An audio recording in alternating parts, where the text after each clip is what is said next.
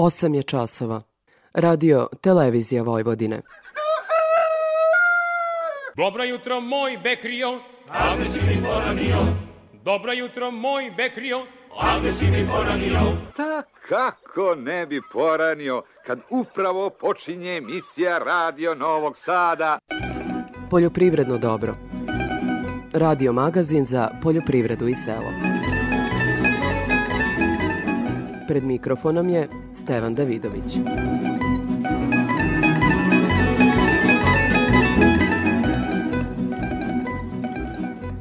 Dobro jutro. Zahlađenje sa snegom svakako pogoduje usevima. Međutim, uz klimatske promene naše ratare svakako zanimaju i cene primarnih poljoprivrednih proizvoda. Od toga im zavisi zarada kao izbor setvene strukture na parcelama. O tome govorimo u temi emisije. Za uvod izdvemo poruku agroekonomskog analitičara Žarka Galetina o tome koji su pokazatelji presudni za odluku o momentu prodaje ratarskih proizvoda svi, da kažem, svetski analitičari, tržišni koji prate svetska i domaća tržišta manje više pribegavaju toj takozvanoj tehničkoj analizi. Tehnička analiza koja u svoju strukturu implementira dešavanja uz prošlosti i na osnovu toga pravi e, neku percepciju budućnosti. Dakle, ono što se dešavalo u prošlosti, u tom na nivou jedne sezone, prave percepciju kako, kako će se tržište ponašati u budućnosti. U susret 50. simpozijumu Agrotehnika precizna poljoprivreda koji će biti održan od 29. januara do 2. februara na Zlatiboru, donosimo šta su teme ovogodišnjeg skupa. Govorit ćemo i o tome šta pojedini mladi poljoprivrednici vide kao isplativ posao u biljnoj proizvodnji nakon godina slabog poslovanja ratara. Za kraj uvoda planom poziva ZIPAR 3 program koji je objavilo Ministarstvo poljoprivrede, predviđeno je da ovaj investicioni program traje do 2027. godine, a raspisivanje prvog ovogodišnjeg poziva je najavljeno za period od 12. februara do 12. aprila. Reč je o meri 1, odnosno investicijama u fizičku imovinu, poljoprivredni gazdinstav, odnosno izgradnju i opremanje, uključujući podizanje novih proizvodnih zasada voća i matičnih zasada viših fitosanitarnih kategorija sa opremanjem. Za ovaj poziv predviđen je budžet od 4,81 milijarde dinara. Sledi muzika pa izveštaj agrometeorologa.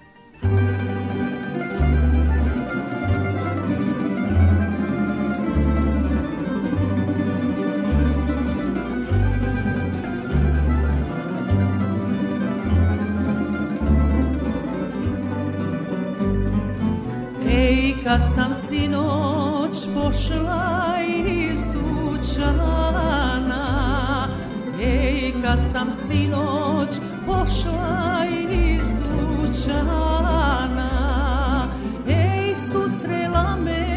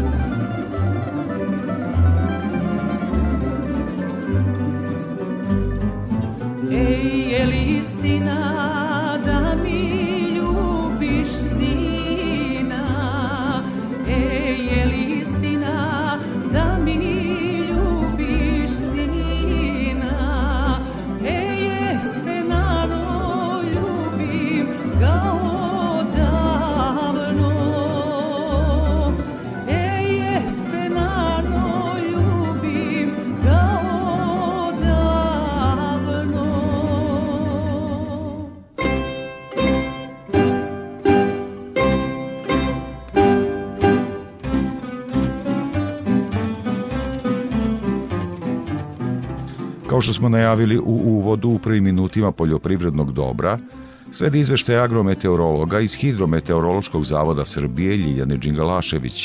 Proteklu sedmicu karakterisalo je toplije vreme od uobičajenog za ovo doba godine, povremeno sa padavinama. Minimalne jutarnje temperature kretale su se od minus 6 do 11 stepeni, a maksimalne dnevne od 0 do čak 22 stepena. Prizemni mrazevi najčešće su bili do minus 5 stepeni, samo su sredinom sedmice u pojedinim mestima zabeleženi nešto jači mrazevi do minus 10 stepeni, ali bez negativnog uticaja na poljoprivredne kulture. Velika kolebanja temperature u dosadašnjem delu zime ne umetaju normalan protok faze apsolutnog mirovanja kod svih prezimljujućih biljaka. U proteklih sedam dana bilo je padavina na većem delu teritorije Srbije. U Vojvodini i zapadnoj Srbiji izmereno je između 10 i 15 mm vodenog taloga, a u ostalim krajevima ispod 10 mm. Značajan porast temperature uslovio je otapanje snežnog pokrivača, tako da trenutno snega ima samo na najvišim planinama. Zahvaljujući dospelim padavinama u proteklom periodu održava se povoljna vlažnost zemljišta i povećava zimska rezerva vlage. Tokom proteklih dana pregledom useva strnih žita ustanovljeno je prisustvo simptoma mrežaste i sočivaste pegavosti lista ječma, dok su usevima pšenice prisutni simptomi pepelnice žita. U usevu ječma je uočeno i žućenje i oštećenje vršnih delova lista, što je posledica dejstva niskih temperatura vazduha. U pogledu insekata štetočina pregledom zasada kruške uočen je početak aktivnosti odraslih jedinki obične kruškine buve. Prema prognozi do ponedeljka se u jutarnjim časovima očekuje mraz od minus 10 do minus 3 stepena. Dnevna temperatura bi tokom sedmice bila u porastu. U ponedelja krajem dana prognozira se na oblačenje koje će se utorak proširiti na ostale krajeve uslovljavajući mestimično slabe i kratkotrajne mešovite padavine, kišu i sneg. Zatim bi do kraja naredne sedmice bilo promenljivo u smenu sunčanih i oblačnih intervala. Kiša se očekuje u sredu na severu, a u četvrtak ponegde i u ostalim krajevima, kada je na planinama kratkotrajno mogući slab sneg. Za radio Novi Sad iz Republičkog hidrometeorološkog zavoda Ljiljana Đingalašević.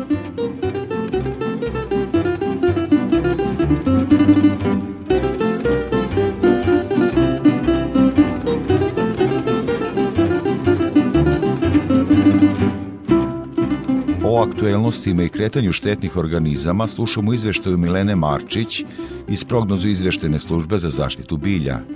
U nedelji koja je za nama zabeležene su nešto više temperature od prosečnih što je izmamilo pojedine štetne organizme.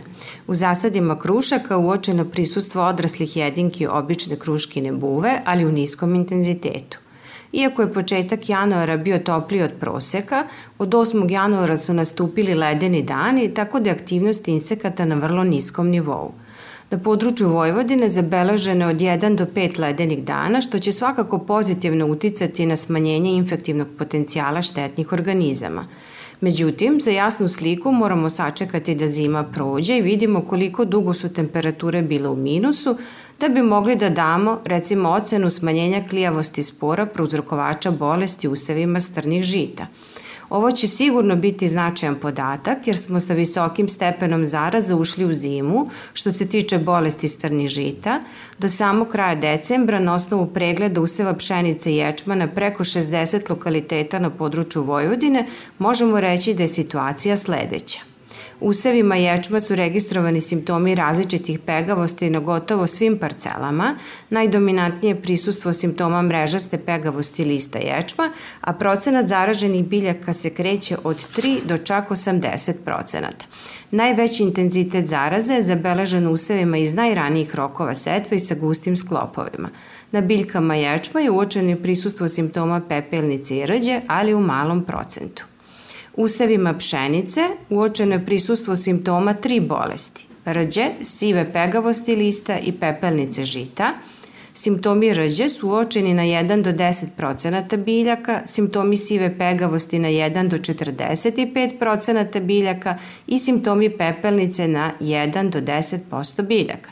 Dakle, sa značajnim potencijalom smo ušli u zimu, Temperature u minusu svakako da će imati pozitivan uticaj na smanjenje inokuluma, ali vidjet ćemo kako će se temperature kretati u narednom periodu. Sistem prognoz izveštene službe za zaštitu bilja će svakako redovno vršiti vizualne preglede useva i pratit će meteorološke uslove u kojima se odvija proizvodnja, o čemu ćemo redovno informisati slušaoce Radio Novog Sada. Srdačan pozdrav iz prognoz izveštene službe za zaštitu bilja od Milene Marčić.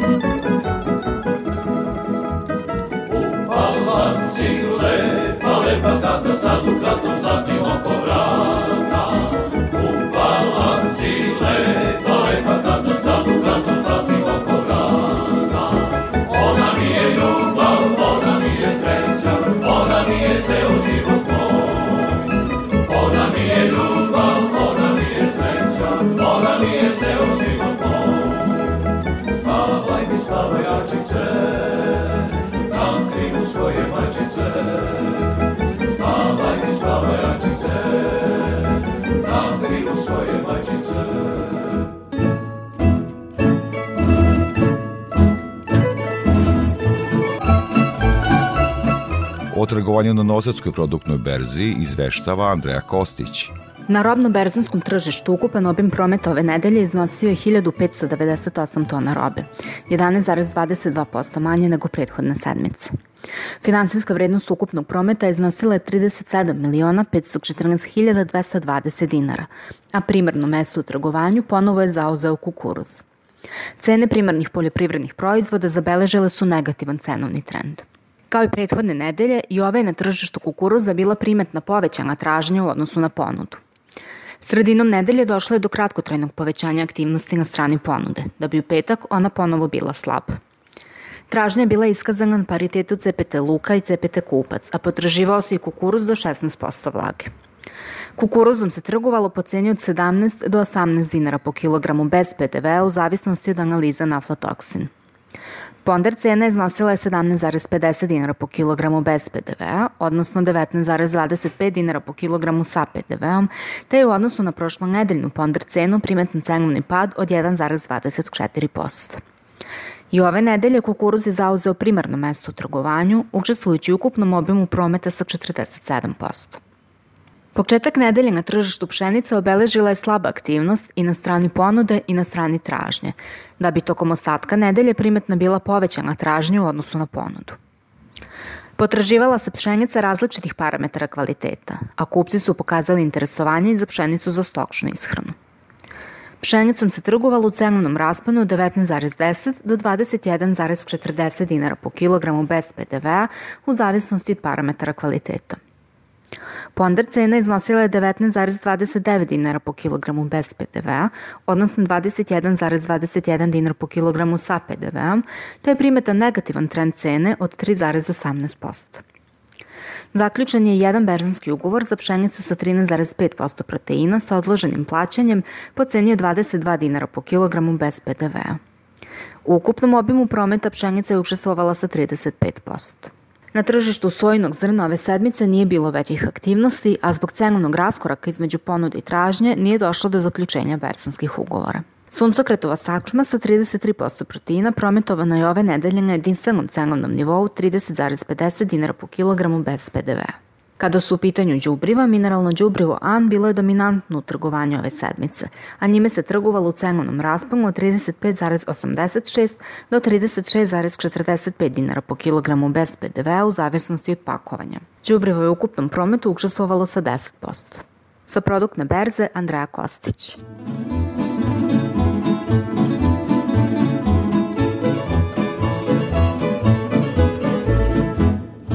Kao i svake nedelje pratimo izveštaj o cenama sa tržišta žive stoke. Iz Infotim Logistike izveštava Gordana Jeličić. Tokom nedelje naši saradnici tovne svinje sa farme oglašavali su po ceni od 230 do 250 dinara po kilogramu, tovljenike sa mini farme po ceni od 231 do 240 dinara po kilogramu, a tovljenike iz otkupa po ceni od 222 do 230 dinara po kilogramu. Ukupno je tržištu ponuđeno više od 700 tovljenika. Tokom nedelje, plasman tovnih svinja sa mini farme dogovaran je po ceni od 231 dinar po kilogramu. Za iduću nedelju klaničari će farmsku robu plaćati 230 dinara po kilogramu. Prasaca farme oglašena su po ceni od 555 do 600 dinara po kilogramu, prasaca mini farme po ceni od 550 do 555 dinara po kilogramu, i prasad iz otkupa po ceni od 490 dinara po kilogramu. U ponudi smo imali oko 800 prasadi. Početkom nedelje imali smo beleženu realizaciju prasadi za klanje po ceni od 550 dinara po kilogramu. Nazimice za priplot ponuđene su po ceni od 50.000 dinara po komadu. Jagnjac su ponuđena po ceni od 470 do 556 dinara po kilogramu. Ovce za klanje ponuđene su po ceni od 160 dinara po kilogramu, a šilježat su ponuđena po ceni od 450 dinara po kilogramu. Bikovi rase Holstein oglašene su po ceni od 290 do 305 dinara po kilogramu, a bikovi simentalci po ceni od 337 do 348 dinara po kilogramu. Kad je živina u pitanju, jednodnevni pilići teške linije ponuđene su u rasponu od 47 do 60 dinara po komadu. Cene su izražene bez PDV-a. Za Radio Novi Sad, Gordana Jeličić iz Infotim Logistike.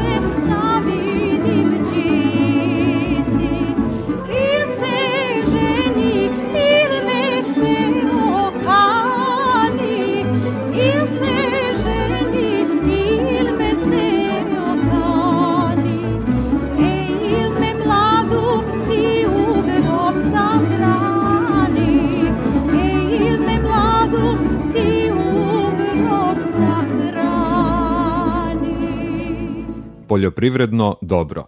Radio Novi Sad. Tema emisije.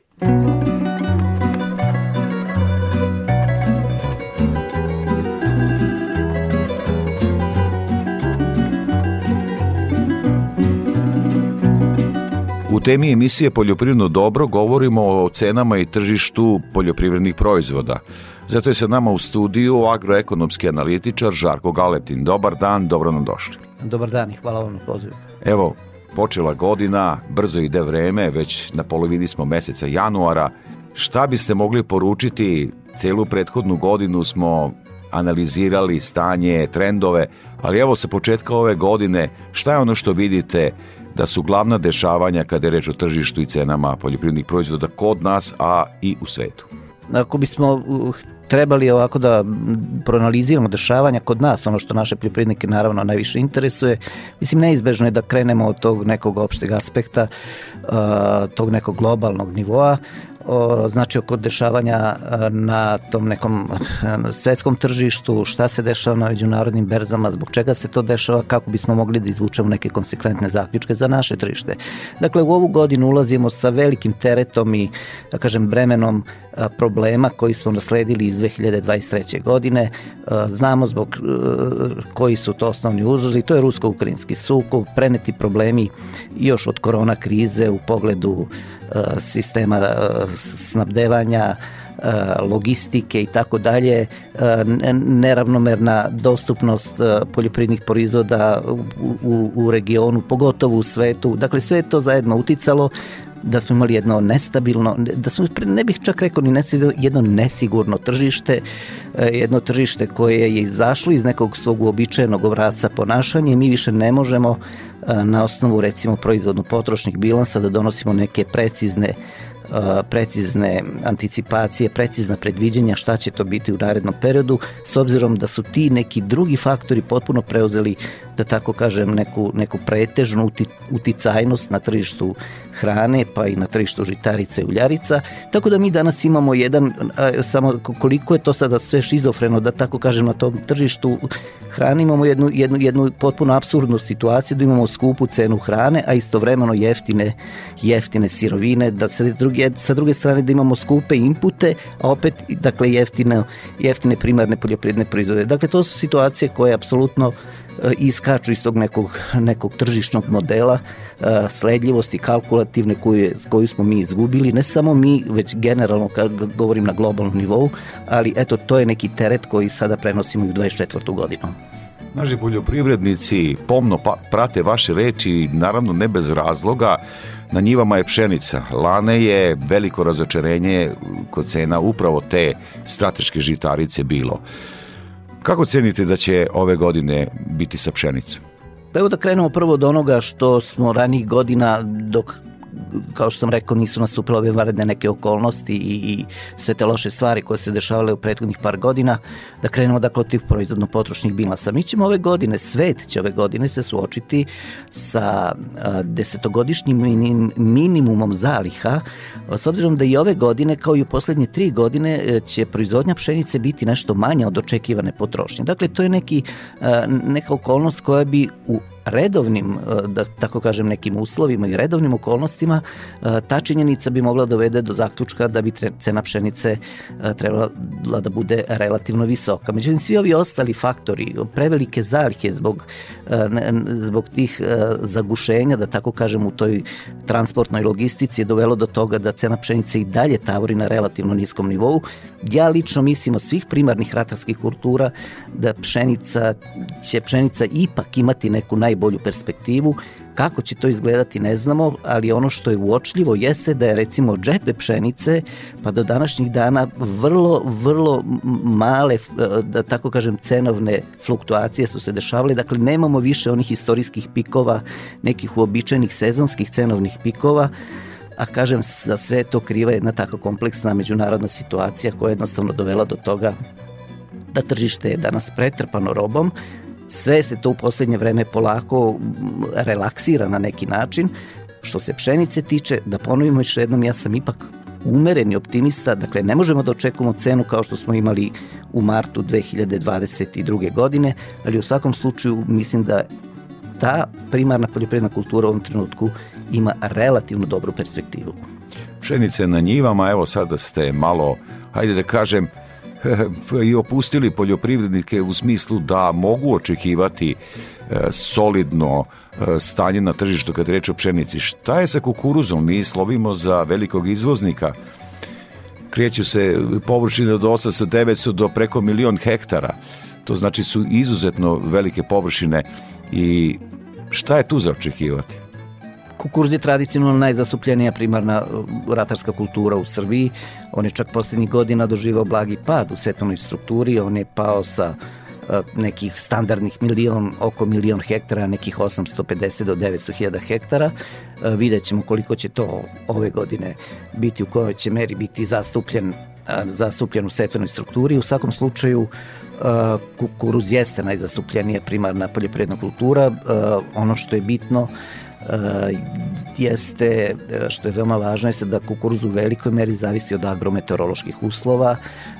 Neke su prognoze agrometeorologa i opšte ljudi koji se bave ovom problematikom da ćemo ući u još jednu sušnu i toplu godinu, vrelu godinu, sa prosekom temperature iznad višegodišnjih proseka, što može da eventualno bude problem sa kukuruzom, ali ajde sada da ne ulazimo u tu nešto, da ne prejudiciramo nešto što će se desiti.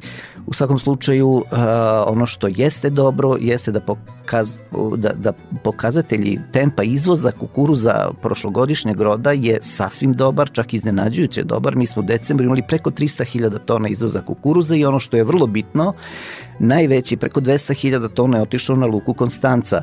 Dakle, Luka Konstanca koja je dugo bila, da tako kažem, disfunkcionalna, koja je dugo bila začepljena zbog svih tih okolnosti prouzrokovane ukrajinsko-rusko-ukrajinskim ratom i, te, te nefunkcionalne, da tako kažem, transporta preko Crnog mora, ovoga puta je ipak dakle, nešto dešava očigledno da je Konstanca se polako rasteretila tih velikih zaliha i da taj protok ponovo je krenuo, što je vrlo bitno jer ta okolnost nas navodi na činjenicu da su se izvoznici ponovo vratili na naše tržište, da izvoze pogotovo da tako dakle na, na, na Crno more, što povećava likvidnost ovog tržišta i što u krajnjoj liniji može da dovede do rasta tražnje i u konačnom ishodu i do, do nekog rasta cena. U ovom trenutku cena kukuruza je prilično niska, tu se kreće negde oko 17-17,5 dinara po kilogramu bez PDV-a, ali kažem, vidjet ćemo, ako se neki nastave ti neki pozitivni trendovi, vrlo verovatno je da bi i ta cena mogla nešto da ode gore.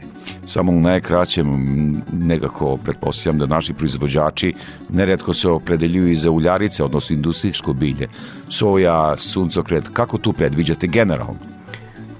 Uljarice su o, generalno poslednjih godina sve veću učešće imaju u toj setvenoj strukturi, pogotovo suncokret. Soja je prethodnoj deceniji imala dakle taj neki neki rapidni rast u, u, u toj setvenoj strukturi za zauzimanju sve većih setvenih površina. Suncokret se opet sa druge strane pokazao kao kultura koja je veoma otporna na te visoke temperature i nedostatak vlage, tako da je imala relativno dobre prinose u tim ekstremno sušnim godinama. E, soja u ovom trenutku ima negde cenu oko 55 i nešto oko 500 eura po što je ispod očekivanja poljoprivrednih proizvođača, ali i dalje je to kultura koja uz dobru agrotehniku, ako se odbaci prinos od preko 3,5 tone po hektaru, može da odbaci neku zaradu. Napomenimo još jednom, primarni poljoprivredni proizvođači se generalno nalaze u problemu i to ne samo u Srbiji, već generalno na, na, na tom, da tako kažem, globalnom nivou i, i ne možemo ići preko nekih očekivanja koje će se desiti na međunarodnom tržištu. U ovom trenutku ja soju i suncokret vidim kao jedno e, kako bih rekao, jedno standardno, ne, ne bih rekao sada do, do, dobro, dobru kulturu sa aspekta tržišnih dešavanja, ali u svakom slučaju kulture koje ako im se pristupi u agrotehnici na pravi način, ipak mogu da odbace neku zaradu. Evo za kraj razgovora, gospodine Galeti, mnogo se govori o produktnoj berzi kao mestu gde naši poljoprivrednici sve više i mala gazdinstva pokušavaju da što povoljnije plasiraju ono što proizvedu. Možda neki savet za kraj, kako poslovati preko berze, kakve su tu mogućnosti, koliko tražiti pomoć stručnjaka, koliko i gde pratiti aktuelne trendove. Produktna berza u Novom Sadu se nalazi u jednom osetljivom trenutku svog, svog istorijskog, da tako kažem, institucionalnog razvoja s obzirom da je donet nov zakon o robnim berzama i produktna berza se upodobljava dakle sa tim zakonom. Taj novi zakon je doneo jednu vrlo bitnu stvar, a to je sigurnost u trgovanju, dakle eliminisanje tog nekog rizika neispunjenja obaveza po osnovu ugovorenih poslova preko berze, što je veoma bitna stvar. Pronalaze se modusi i načini kako da se taj model sigurnosti trgovanja implementira tako, a da učesnike na tržištu ne opterećuje finansijski dodatno. A, ja verujem da će produktna berza u tome uspeti, međutim da bi to uspela, mi produktna berza mora imati neki minimum a, što se ono kaže dubine trgovanja, dubine tržišta, frekventnosti tržišta, likvidnosti tržišta, te stoga ja evo i na ovaj način pozivam poljoprivredne proizvođače da trguju preko produktne berze, jer lično mislim da je to i dalje najpouzdaniji tržišni medij u Srbiji da se dobro raspitaju kako mogu da trguju preko berze, da se uključe na to trgovanje, a berza se, kažem, nalazi u jednoj uh, osetljivoj fazi koju će, siguran sam, dobro da da sprovede u fazi dakle pri, prilagođavanja tog novom, tom novom zakonu gde će svi učesnici biti apsolutno bezbedni i sigurni u trgovanju koje se odvija preko berze.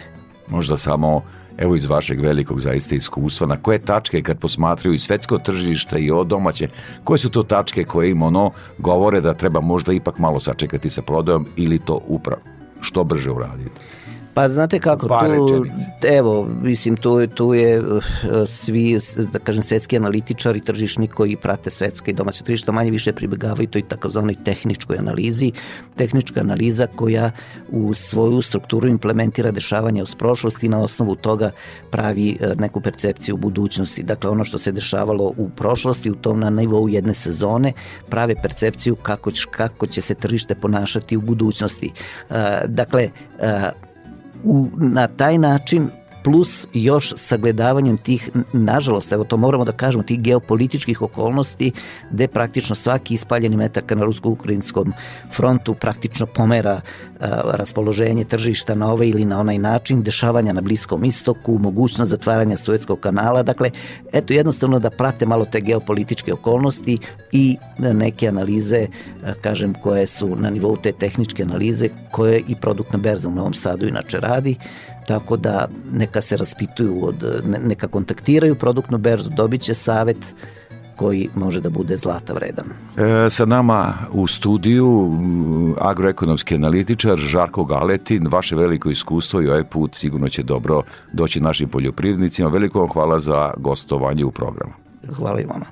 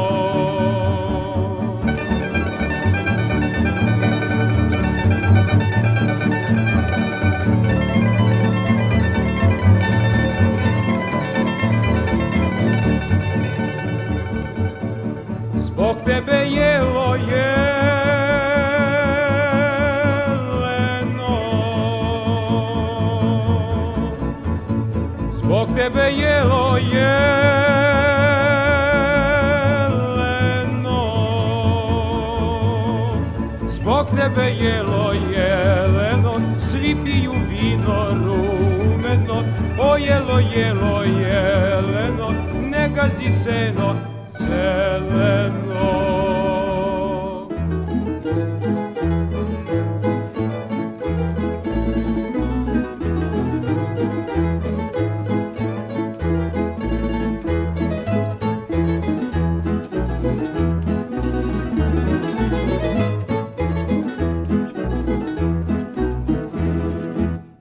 uslovima nestabilnih cena na tržištu poljoprivrednih proizvoda, o čemu smo govorili u temi emisije, mladi poljoprivrednici neretko prave računicu u nadi da će pronaći isplati posao. O tome sam razgovarao sa farmerom u Turiji, Savom Kvrgićem. Bavim se poljoprivredom, ratarstvom, sad ću možda ući možda u povrtarstvo, malo da uđemo u nekog rizika, vidit ćemo šta će biti. Znači, ratarstvo sve se manje pojavljuje kao isplativo i možda povrtarstvo kao šansa. Pa zadnje tri godine u ratarstvu baš smo u debelom minusu u ratarstvu. Sada još jednako bude ovako rđeva ko ove godine neće biti dobro. Prošle godine nas je ubila suša, ali su cijene bile ne, dobre, pa smo nekako ispeglali godinu. Ove godine nas je uvatio led i baš do, dosta naš deo Atara, tamo Srbobranska opština, uvatio led, ali su cijene bile jako rđeve, tako da smo na, malte na svim kulturama bili u minusu. Oni koji su se bavili povrtarstvom, kako su oni prošli? Pa oni su malo bolje prošli. Imam tu neke drugovi iz okolnih sela što se bave povrtarstvom. Oni su, kaže, izvukli su nešto. Opet su bolje cene u povrću, pa su onda izvukli nešto. I šta bi radio od povrća sad kad kreneš? Pa možda bi počeo papriku da se sad zato što papriku može da se proda direktno s njive, ne mora da se lageruje, da se pravi hladnjača i to ima tržište, najlakše se prodaje. Tu je dobra matematika, tako kažu kolege, šta... A velika su ulaganja, velika su ulaganja, ali veća i zarada. I više ima i posla i svega, pa zato nismo, zato smo se i dvomili, hoćemo, nećemo, pa sad još razmišljamo, razmišljamo preko zime, treba puno e, radne snage, to je problem kod povrtarstva. A kako stoji tamo u tvom kraju s radnom snagom, je li ima? Pa, teško, svuda je teško, neko samo u mom kraju suda u, u Vojvodini je jako teško naći radnu snagu, neće niko da radi fizičke poslove, svi bi da budu u firmama neki šefovi i direktori. Sad mlade si poljoprivrednik, je li ima još dosta tvojih drugara, tako da kažem, iz detinstva u selu. Kakva je situacija? Odlaze, dolaze? Koliko je poljoprivreda atraktivna, interesantna? Pa atraktivna je, ko je malo, ko je pre pre ovi rđevi godina počeo da se bavi poljoprivredom. Sad trenutno ko, na primjer, mlađi od mene i počinje sad da se bavi prošle, pretprošle godine poljoprivredom i on je on u minusu prve dve godine, on onda ljudi odustaju. Tako da sve više i više mladi ljudi odustaje zbog rđevog, kako se zove, i cena i suše, jako se klima promenila kod nas. Još se ne zna kako će se protiv tog boriti, ali izvesno je da treba i stajsko đubrivo i sve. Je li ima stajnjaka? Je li ima... Pa nema kod nas. Kod nas u selu ima možda 2000 stanovnika u, u cijelom selu, a ima možda dvojica koji drže stoku. To je malo da bi se zemlja održavala. Pa malo je, zato što je to sve, sad napravili su sve da bude neisplativo i na primjer, kod nas u selu ima ljudi drže, možda prste izbrojati ko drži tovljenike, mi na primjer držimo tovljenike za naše potrebe i onda bude par komada viška i ti par komada što imam viška ne mogu nikom da prodam.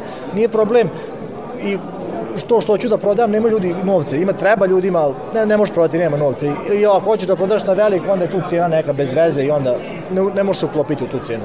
Znači, stočarstvo nije opcija kod tebe? Nije nešto na čega... Ja, ja, bi, ja bi volao da mogu da se bavim stočarstvom, da je to malo isplativije. Sada, ako hoćeš da se baviš stočarstvom, moraš da imaš 100 krava da bi mogo da živiš od toga. A sa manjim brojom, ja gledam, ovi svi zatvaraju. Znači, samo i veliki će nekako opstati. Ovi svi manji što drže manji broj ne mogu da opstanu. Evo, počeli smo u razgovoru od ratarstva, imaš svu mehanizaciju, sve imaš? Da, sve, sve prikrušu mehanizaciju imam i svake godine gledamo preko ti fondova, konkursa, nešto da obnovimo, da zanovimo, da kupimo nešto malo modernije, veće, tako da pokrajina država ima posticaja? Ima, ima. Što se toga tiče, to je to bi pozdravio. Išao sam i na IPARD i na pokrajinu i na državu, sve sam to kako se zove, malte ne sve smo živo iskoristili što je moglo da se iskoristi. Sad mehanizaciju bez povraćaja i ne kupujemo. Samo ako ima neki povraćaj uzimamo, bez tog povraćaja i ne kupujemo, trenutno se i ne isplati uzimati bez povraćaja mehanizaciju. Evo možda za kraj razgovora, šta očekuješ od 24. Pa ja sam optimista. Da nisam optimista ne bi se ni bavio poljoprivredom. Ja očekujem da će biti dobra godina, pa ulažemo maksimum i nas i što se tiče financija, da izguramo i da bude dobra godina, a sad vidit ćemo kraj godine kakav će biti sledeći. Veliko ti hvala za razgovor. Evo, čemu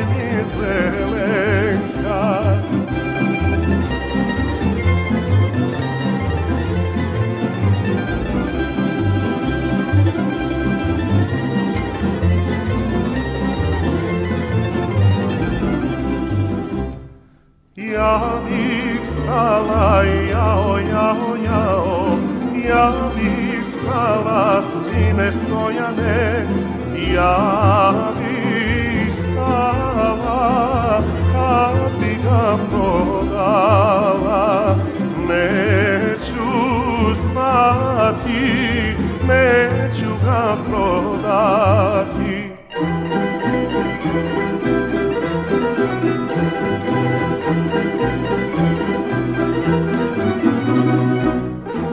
O tome na čemu će biti fokus 50. simpozijuma agrotehnika Precizna poljoprivreda, koji će biti održan od 29. januara do 2. februara na Zlatiboru, razgovarao sam sa profesorom Aleksandrom Sedlarom. Ovo je jubilarni 50. simpozijum. Jubilarni 50. simpozijum agrotehnika, precizna poljoprivreda, teme su široke.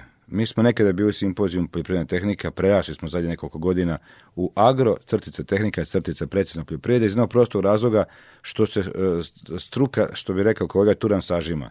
I mi smo onda os, o, tehniku ostavili kao kariku koja spaja, naravno, ali se bavimo agrarnim pitanjima i agrotehnikom i novim tehnologijama.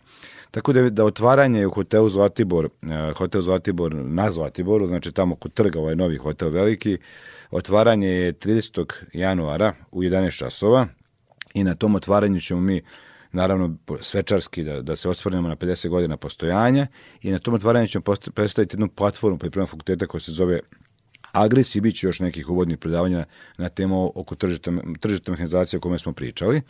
A, nakon toga imamo jedno vinski, sremski karavan, pošto je, sremski, sremski vinski karavan, tako smo ga nazvali, pošto je jubilej, neke će vinarije predstaviti svoj proizvodni program, a i počastit će se ljudi vinom od, od, od, od, od, od 13 časova, a od 17 časova imamo temu okrugog stola. To je tema okrugog stola koja se zove Kako nam se desila 2023. i šta dalje. Učesnici su profesor dr. Nedeljko Tica, dekan priprema fakulteta u Novom Sadu, gospodin Žarko uh, Galetin, moja malenkost, uh, Strahinja uh, Marjanović, direktor Zobrantice i, i Aura Faveta i Milan Zorić, znači čovjek koji se bavi tržištem žitarica. Tema će biti ovo što nam se desilo 23. I ovo što smo mi načeli i šta dalje da radimo. Znači jedna i agronomska, i agroekonomska, i mehanizatorska tema na svaki način aktuelna. Uveče je naravno druženje sa kompanijom Agromarket, a onda krećemo srede, četvrtak radovi po sekcijama i u sredu krećemo agrotehnika, agrotehnički i tehnološka, na, agrotehnička i tehnološka analiza 23. godine. Vidjet ćemo koliko košta proizvodnja pšenice, soje i kukuruza. Kad kažem koliko košta, ne mislim samo ko u parama. Vidjet ćemo koji su troškovi ako oremo, ako ne oremo.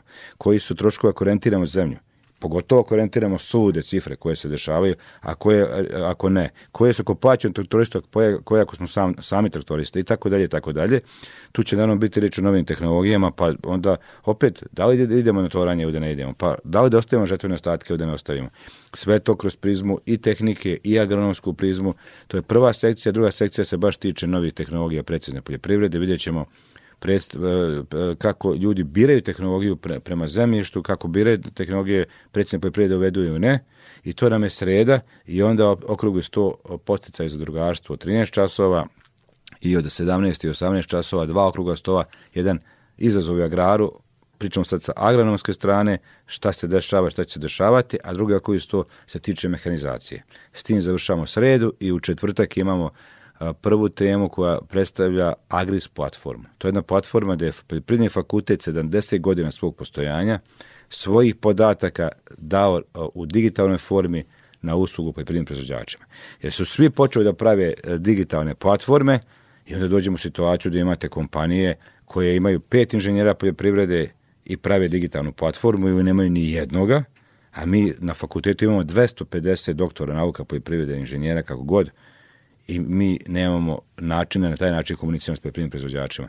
E, ta digitalna platforma ima sektor ionizacije, e, sektor analize zemljišta i još mnogo toga o čemu ćemo pričati. Samo datum još od kad do kad? 1. februar je ovo što sam pomenuo za digitalnu platformu, otvaramo 30. januara, radimo 30. januara, 31. i 1. februar radimo. 29. se okupljamo januara, a 2. februara se vraćamo. Zaista izuzetne, izuzetne teme. Evo ja ću samo možda za kraj ovog razgovora e, vas zamoliti i prvo za svoju neku poruku proizvođačima za ovu godinu, a i možda da se podsjetimo na saobraćajnicama.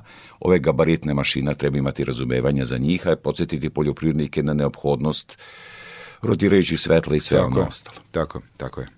Pa evo da ih možda vi... Po... Tako je, bi, biće, biće ovaj, na Zlatiboru i kolega Mirko Simikić koji se bavi bezbednosti e, u saobraćaju, znači kad, kažem bezbednost u saobraćaju, mislim na bezbednost kada se voze pri- priključne mašine ili samohodne mašine u, koje služe poljoprivredne proizvodnje, a bit će tu i ljudi iz Agencije za bezbednost u saobraćaju, pa ćemo i tamo da podsjetimo, a evo i ja apelujem zaista i stavite rotirajuće svetlo, zaista prikovica mora biti osvetljena, znam ljude koji su stradali, smrtno stradali zbog toga, blato je, na, sad vidimo ovaj, što kaže... Jeste, i prihrane su- Prihrane da. su, blato izađe se, izađe se s blatjenim točkovima. Ne znam ja da nije lako izaći, da je točak nije blatnjen, daleko od toga.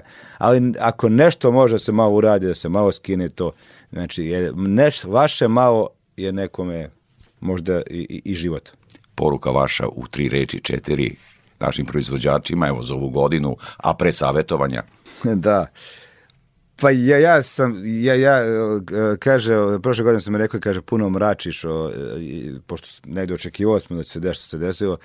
Ja mislim da će ova godina e, biti bolja, a da bi ona bila bolja, moramo mi da se promenimo. Ja uvijek to kažem, menjajmo navike. Nećemo mi promeniti cene e, žitarica na svetskom tržištu ili šta god već, trene cene repromaterijala, ali možemo promenimo svoje troškove. Smanjite svoje troškove, ali ne na uštrb kvaliteta proizvodnje. Sa nama u studiju Radio Novog Sada, profesor na Poljoprivrednom fakultetu u Novom Sadu, Aleksandar Sedlar, veliko vam hvala za ovo gostovanje. Hvala vama na, na poziv. Uvijek mi je zadovoljstvo biti vaš gost.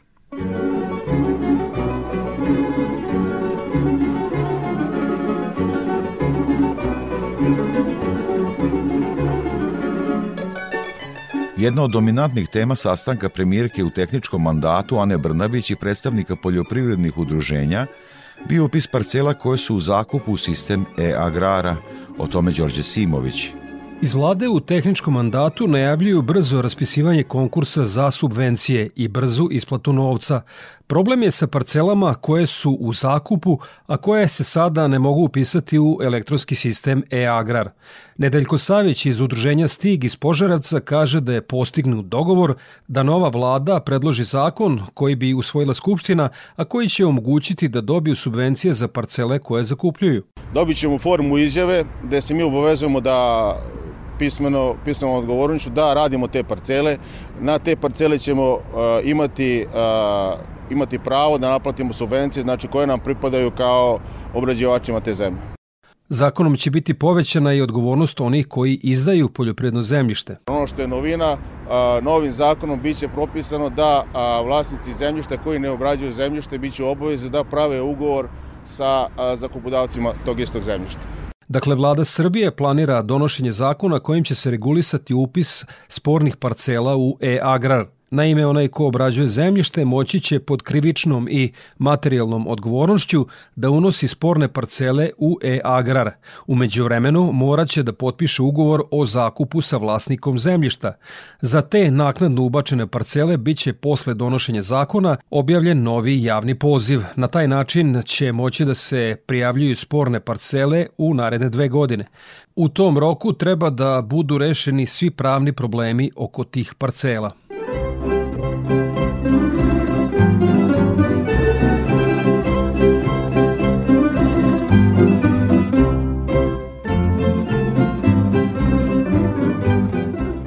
Pred krajem emisije još jednom prognoza za narednu sedmicu. Iz Hidrometeorološkog zavoda Srbije Ljiljana Đingalašević. Prema prognozi do ponedeljka se u jutarnjim časovima očekuje mraz od minus 10 do minus 3 stepena. Dnevna temperatura bi tokom sedmice bila u porastu. U ponedelja krajem dana prognozira se na oblačenje koje će se utorak proširiti na ostale krajeve uslovljavajući mestimično slabe i kratkotrajne mešovite padavine, kišu i sneg. Zatim bi do kraja naredne sedmice bilo promenljivo u smenu sunčanih i oblačnih intervala. Kiša se očekuje u sredu na severu, a u četvrtak ponegde i u ostalim krajevima, kada je na planinama kratkotrajno mogući slab sneg.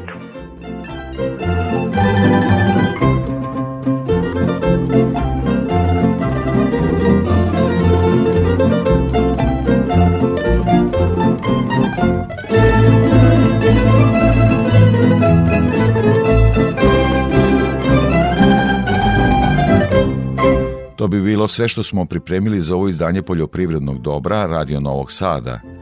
Emisiju montirala Sabina Nedić, muziku birao Aleksandar Stojanović. Pozdravlja surednik i voditelj Stevan Davidović. Naredni susret je za sedam dana uz podsjećanje, da emisiju možete slušati i odloženo na portalu Radio Televizije Vojvodine na adresi rtv.rs. Svako dobro!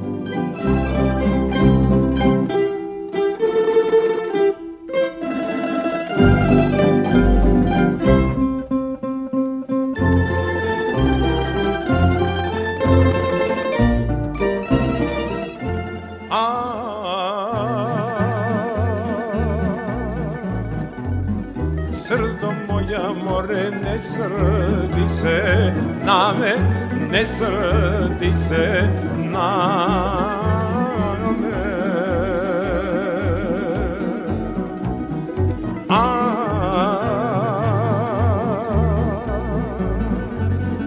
jer ako se more ja razrdim na te, ja razrdim na te.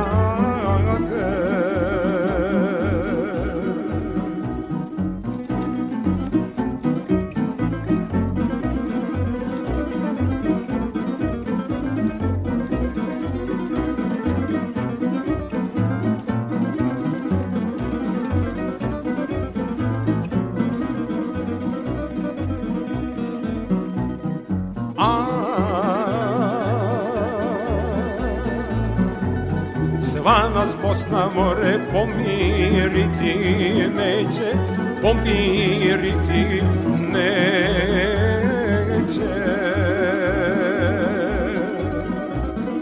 A,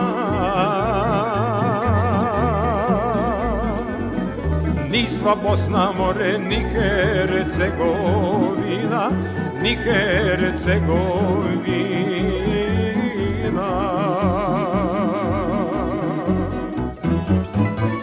Vino piju na ne, vino piju na ne, a ge Sarajlije.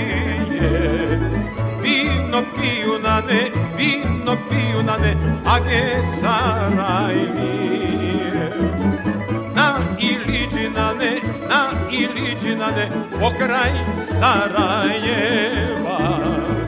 Na Iliđinane, na Iliđinane, pokraj Sarajeva.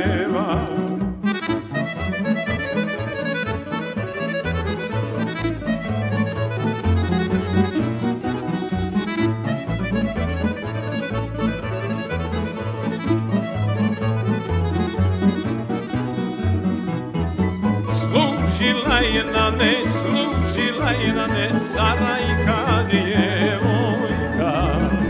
Služila je na ne, služila je na ne, Sarajka djevojka. Kako kome na ne, kako kome na ne, čašu nalijevaše. Svaki joj se na ne, svaki joj se na ne, za jelek hvataše.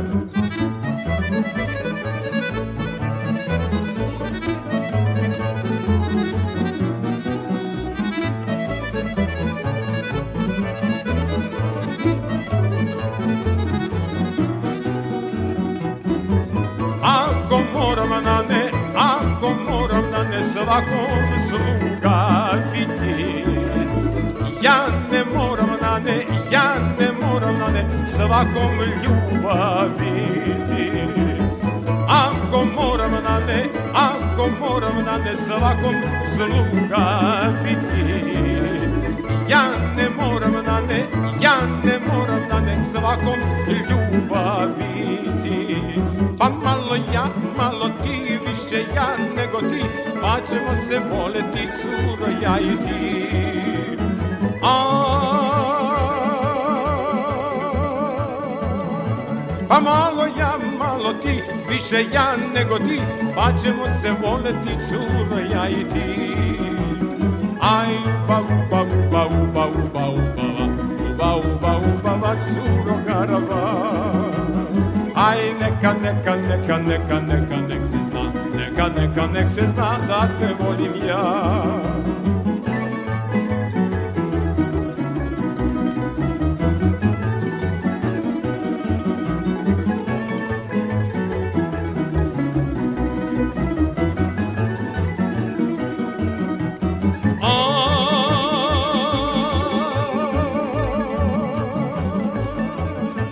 Čašu ja, čašu ti, više ja nego ti, pa ćemo se voleti curo ja i ti. Aj,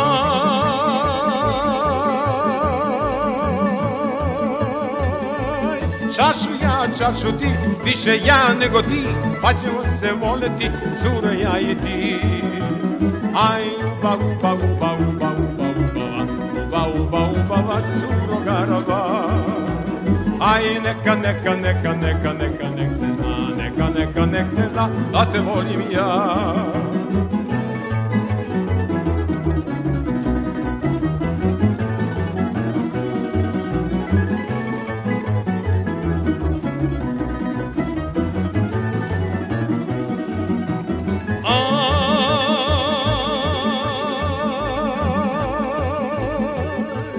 Grli me i ljubi me, ljubi me, grli me i na krevet baci me, pa radi šta znaš.